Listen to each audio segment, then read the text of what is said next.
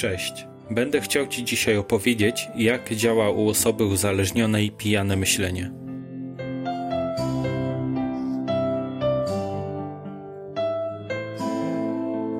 Jest takie powiedzenie, że jeśli ktoś twierdzi, że nie jest alkoholikiem, to znaczy, że nim jest.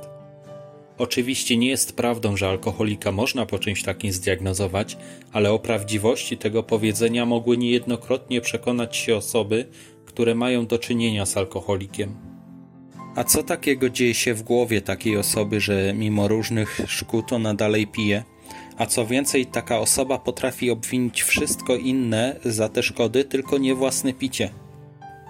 Każdy alkoholik używa słów typu ja nie jestem uzależniony, piję bo chcę i kiedy chcę, ja nie muszę wcale pić, jak nie chcę to nie piję, albo najlepszą wymówką jest przecież nie piję codziennie. I co ciekawe, o takiej osobie nie można powiedzieć, że kłamie mówiąc takie słowa, ponieważ ona naprawdę w to wierzy.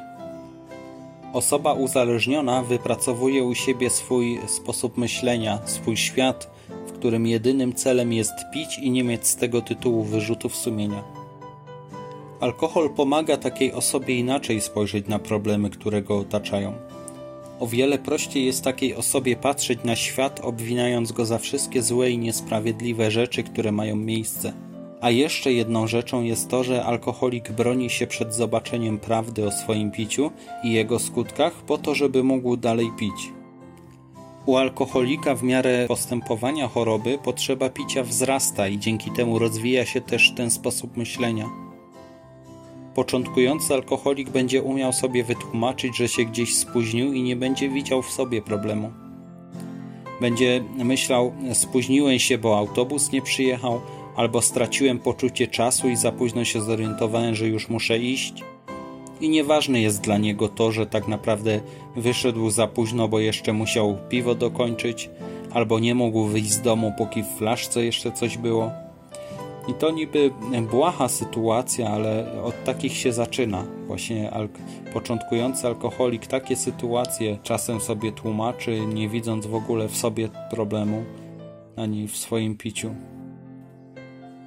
I rozwijanie się takiego sposobu myślenia można zobaczyć na przykładzie, że właśnie tak myśli początkujący alkoholik, ale zdarzają się przypadki zaawansowanych alkoholików, którzy dowiadują się na przykład, że mają marskość wątroby i w ogóle nie wiążą tego ze swoim piciem.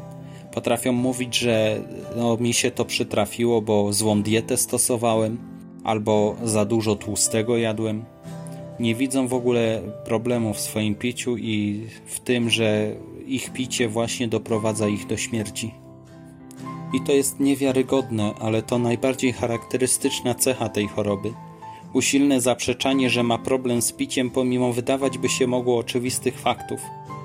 Pomimo, że wyrzucono go z pracy przez picie, pomimo wielodniowych ciągów picia, pomimo nieudanych prób wytrwania w niepiciu, pomimo skarg ze strony najbliższych, pomimo wszystkich rzeczy, dalej wydaje mu się, że nie ma problemu z alkoholem. Co więcej, może jeszcze mówić: O, do alkoholika to mi jeszcze daleko.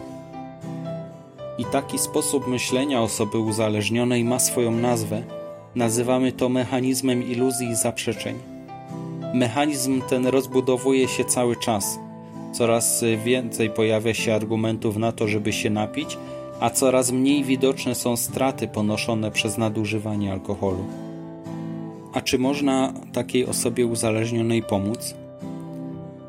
Oczywiście alkoholik czasem ma przebłyski, czasem dociera do niego, że rachunki są nieopłacone, zauważa, że dzieci go unikają, albo nawet, że stracił do nich prawa. Widzi na przykład, że pracodawca czeka na kolejne potknięcie, żeby dać kolejną naganę i wyrzucić go z pracy. I właśnie taki moment jest najlepszy, żeby trafić do takiej osoby, żeby zmotywować ją do podjęcia leczenia. I trzeba wtedy działać możliwie jak najszybciej, ponieważ taki stan może szybko minąć. Tylko nauczenie się kontrolowania swoich emocji, zauważania tych mechanizmów w sobie i nad nimi panowania, tylko to pomoże wyjść z nałogu. Samo zaprzestanie picia nic nie da.